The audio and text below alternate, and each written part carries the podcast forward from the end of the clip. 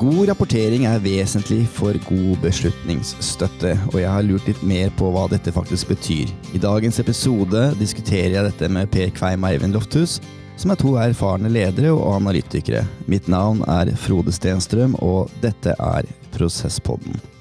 Og før jeg går i gang, så kan jeg bare si velkommen til deg, Per. Hvem er du? Eh, takk. Eh, jeg heter Per Kveim og er daglig leder i Prosesspilotene. Ja. Og eh, har, eh, er en eh, godt voksen mann som har eh, hatt oppgaver med å lede ulike typer IT-virksomheter gjennom et langt liv. Ja, Velkommen. Takk. Hei, Eivind. Hei, hei. Ja, hvem er du? Hvem er jeg? Ja. Nei, jeg, jeg har jobbet egentlig hele livet med, med å lage god beslutningsstøtte, eller jeg mener det er god beslutningsstøtte til bedrifter rundt omkring i mange sektorer. Så du er liksom leverandøren som Per skal være fornøyd med? Egentlig på mange måter, ja. Ja. Datadrevet ledelse er jo noe alle snakker om. Eh, Alle bedrifter vil jo bli gjerne datadrevet. Men hva betyr det egentlig, Per? Altså, Hva legger du i begrepet datadrevet ledelse og forretningsutvikling? ja, for min del så dreier det seg om å ha eh, et eh, faktagrunnlag og eh, fatte beslutninger på basis av. Eh, Og ikke bare mavefølelse og erfaring, som vi kaller det når vi blir gamle. Det er, eh, det er jo slik at beslutninger føles mye tryggere å ta når man har et beslutningsgrunnlag og noe konkret å forholde seg til. Og da dreier det seg om både det å, å forstå og analysere fortid, for å lære noe om hvordan forretningsmodellen din og prosessene dine fungerer. Eh, Men først og fremst så gjør du det jo for å prøve å finne ut noe om framtid. Lage en prognose, på sett og vis? For eksempel, eh, vi eh, som har det som oppgave å, å lede, da, vi trenger jo å overbevise oss selv, men vi har jo også et behov for å overbevise de vi jobber sammen med. Jeg har vel mange ganger opplevd at jeg har blitt stilt til veggs på hvorfor eh, vil du at vi skal gjøre sånn? Og da er det alltid greit å kunne forklare hva som er resonnementet bak. Det er det ene. Det andre er at vi beslutter jo ikke vår framtid og skal vi si, regnskapstallene våre og disse faktorene som vi er nødt til å overholde, men vi beslutter til innsatsfaktorene. Ja, Eh, altså bakgrunnstallene for ja. rapporten? Jeg har også litt lyst til å knytte det opp til det der litt sånn forslitte begrepet digitalisering. Fordi digitalisering 1.0, liksom, det er på en måte å ta i bruk eh, og digitalisere prosesser og ta i bruk digitale verktøy, mens digitalisering 2.0 er egentlig å ta i bruk de dataene som alle disse digitale prosessene legger igjen, og bruke det til noe fornuftig. Det tenker jeg er en sånn grei måte å forklare hva det er å være datadrevet på. I dag så bruker vi jo mye penger på å eh, sette strøm på prosessene, som vi kaller det. Eh, altså integrere arbeidsprosessene våre med informasjonssystemene.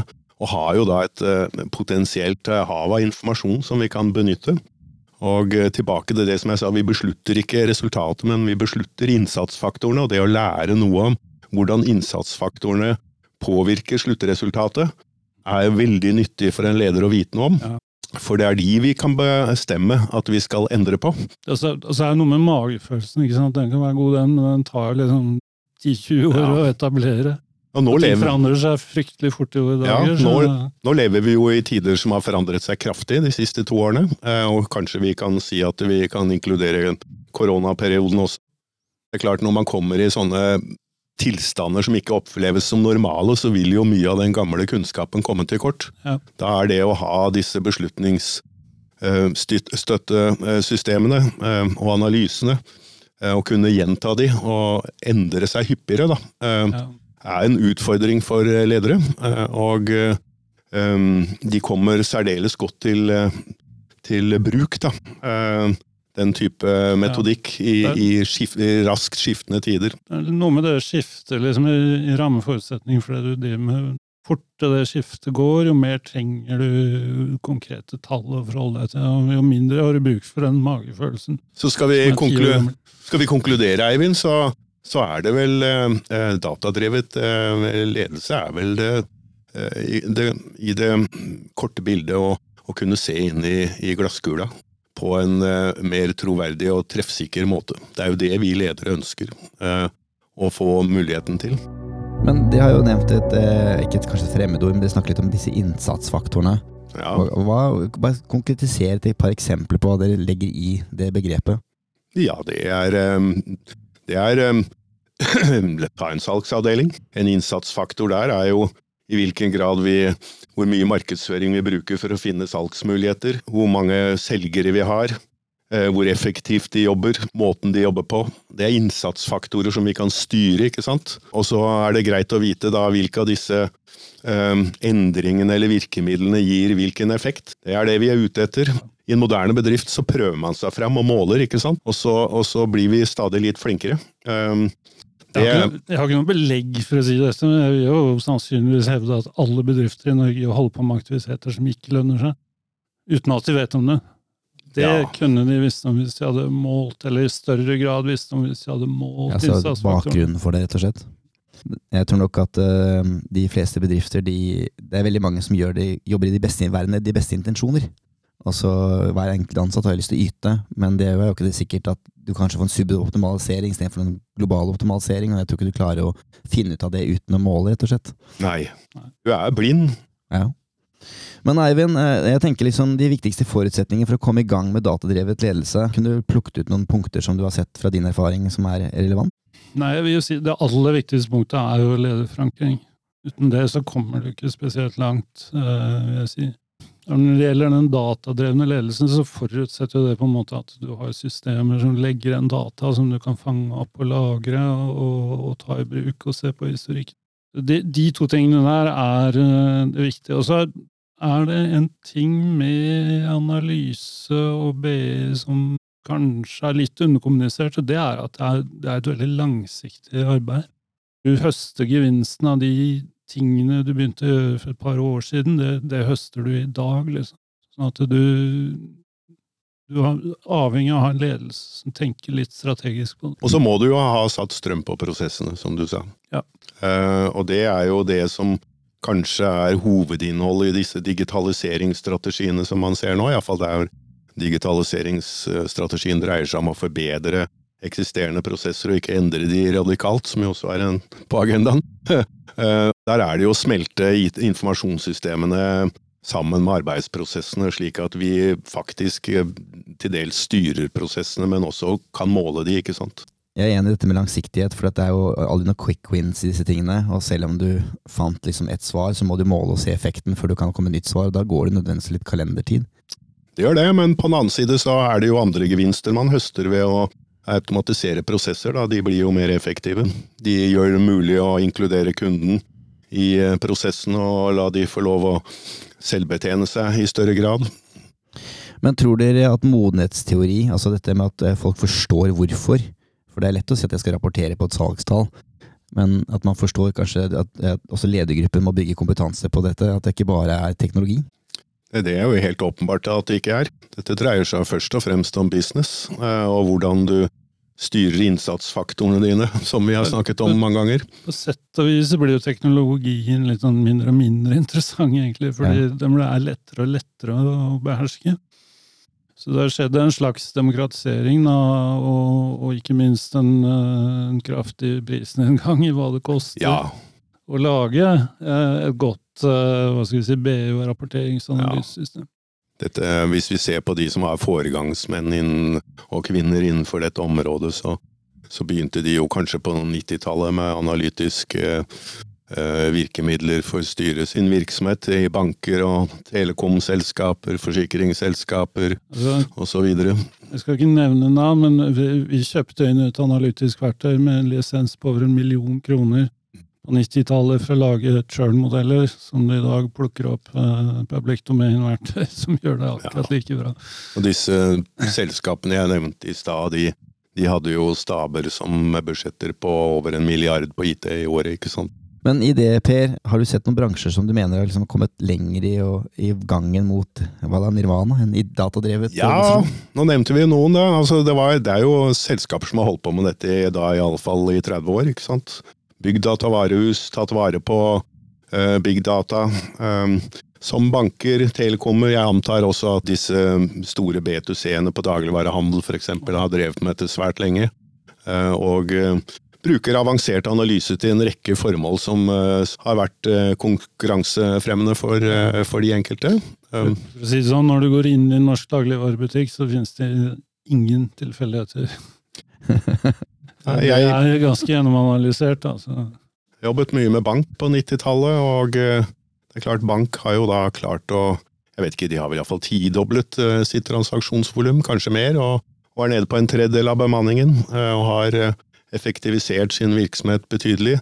Og fått selvfølgelig analytiske muligheter på kjøpet. Men er vi realistiske, da? Jeg tenker Det er jo litt sånn lett besnærende å si at man skal finne ut av ting for å se på historien. Ja, nå snakket vi om eh, at ledere i mye større grad nå har fokus på dette, men det er klart det er jo, det er jo sektorer eh, som ikke har så lang fartstid på dette. Altså virksomhet som ves har vesentlig mindre penger å bruke på informasjonsteknologi, som i dag ser på dette. Eh, noen av de kan jo ha erfaring fra bransjer som har holdt på lenge, men andre har jo ikke det. Eh, jeg tror mange har troen på det, men jeg tror mange er litt eh, usikre på hvordan det skal gå frem. De er usikre på hvor dyrt det er. Realiteten er jo at det tar lengre tid enn man skal ønske seg. Men det koster ikke så mye som man skulle ønske seg. Eh, Eller som man kan frykte, mener jeg. Det er billigere enn det var før. Eh, Det høres krevende og vanskelig ut. Men jeg tenker at dette er en del av eh, digitaliseringsstrategien virksomhet. Man begynner med å ønske å få orden på dataene sine, og så på prosessene, og få målt de og forstyrt de. Og får man disse analytiske mulighetene relativt eh, rimelig på kjøpet når dataene først er til stede. Ja, det, er, det er uansett en veldig dårlig idé å ignorere hele greia, sånn som noen kanskje gjør. da. Eh, Fordi det er jo utvilsomt at uh, hvis du mestrer dette, så får du et konkurransefortrinn. Ja, Alternativ kost for å ikke gjøre det er kanskje veldig mye større enn kostnaden å investere i det. Ja, Da må du vurdere hva god konkurrentene dine er. ikke sant? Du må ligge et hestehode foran, så går det bra.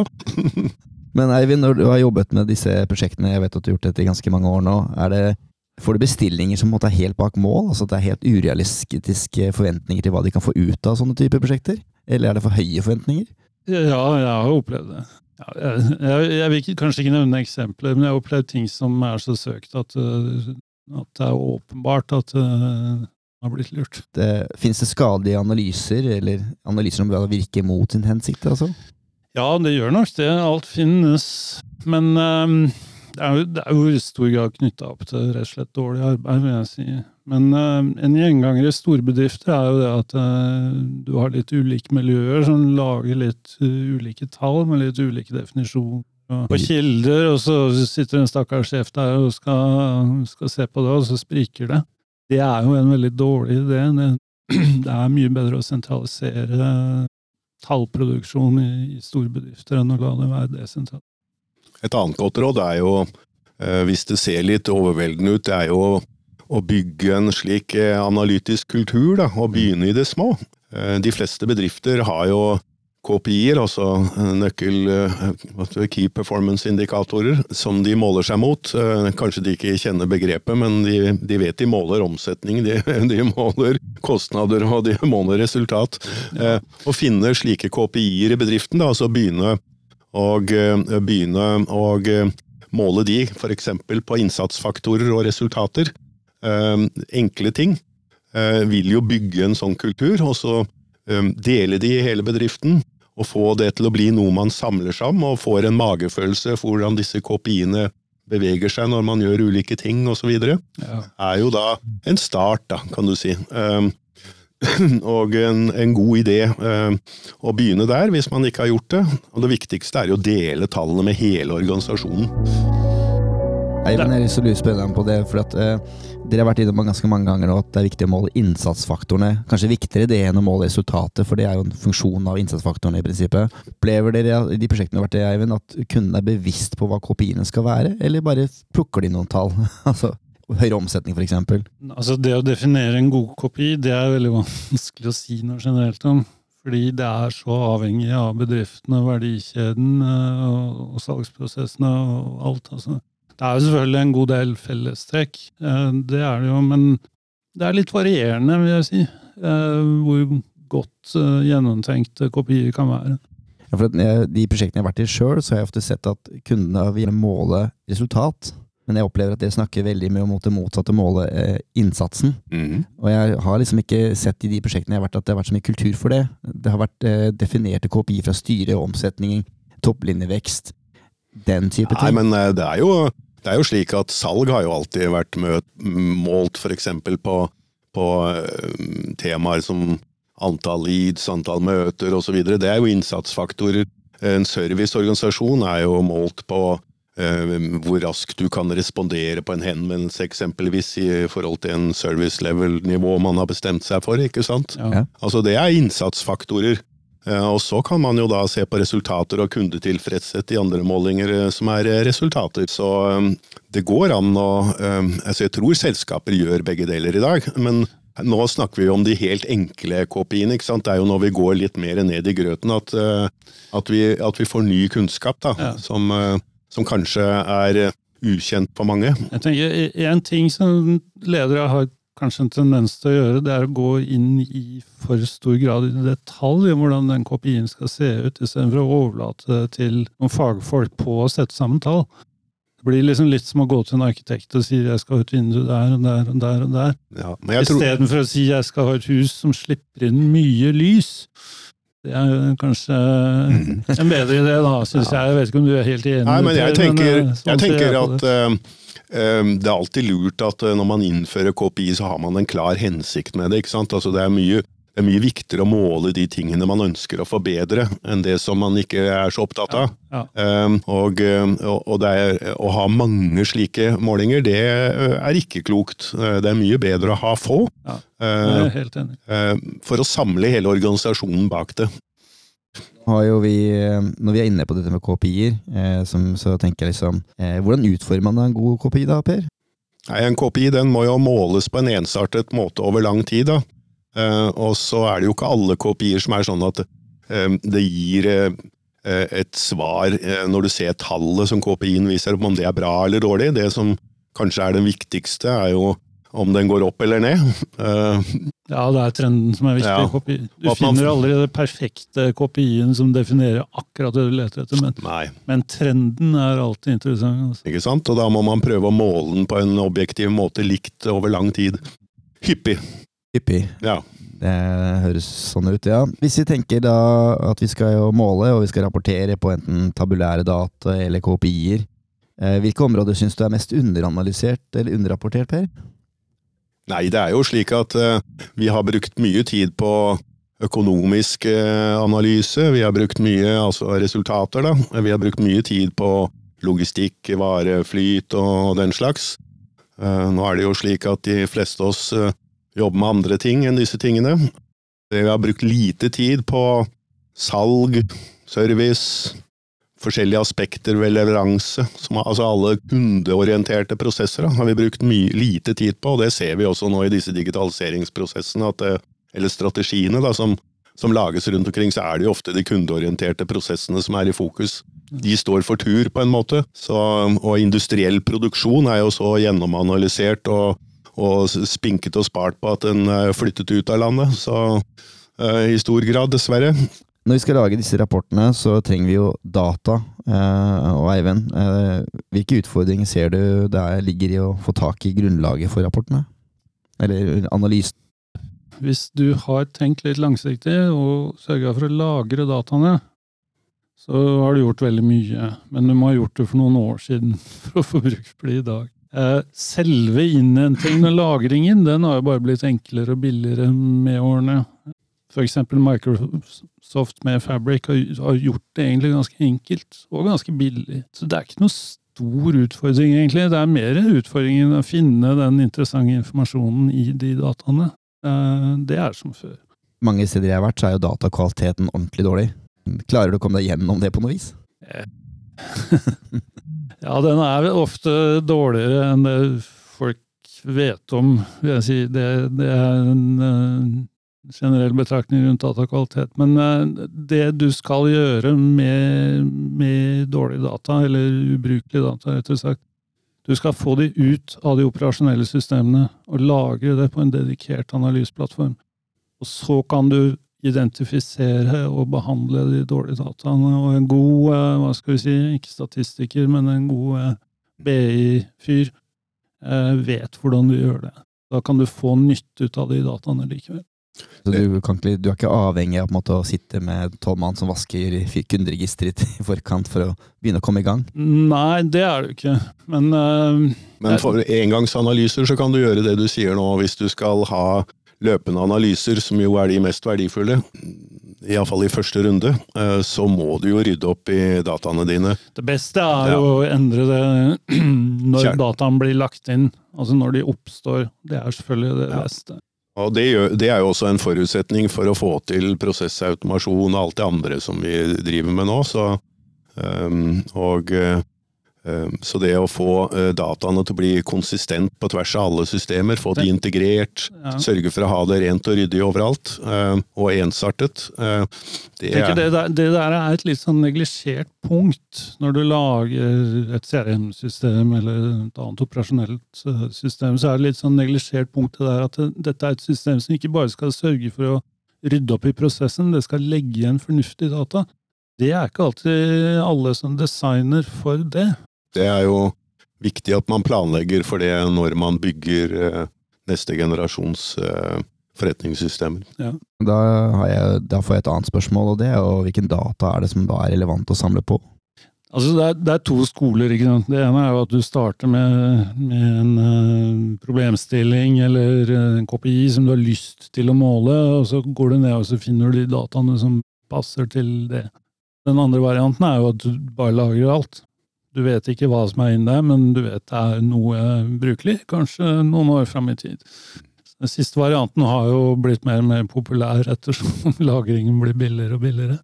Jeg har egentlig troa på begge metodene, ja, altså. ja. Det er jo umulig for oss å si noe om hva du kommer til å trenge av analytiske behov i framtiden. Først begynne med dette, så vil man jo ønske seg mer og mer, ikke sant, eh, hvert år. Og Eh, da er det fint å ha gamle data som du kanskje kan klare å bruke.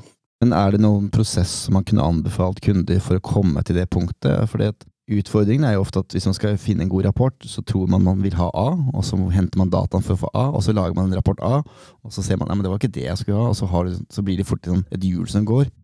Fins det noen bedre måter å komme fram til hva slags data man bør egentlig samle på over tid? Eller blir det en sånn iterativ utvikling som bare blir sånn over tid?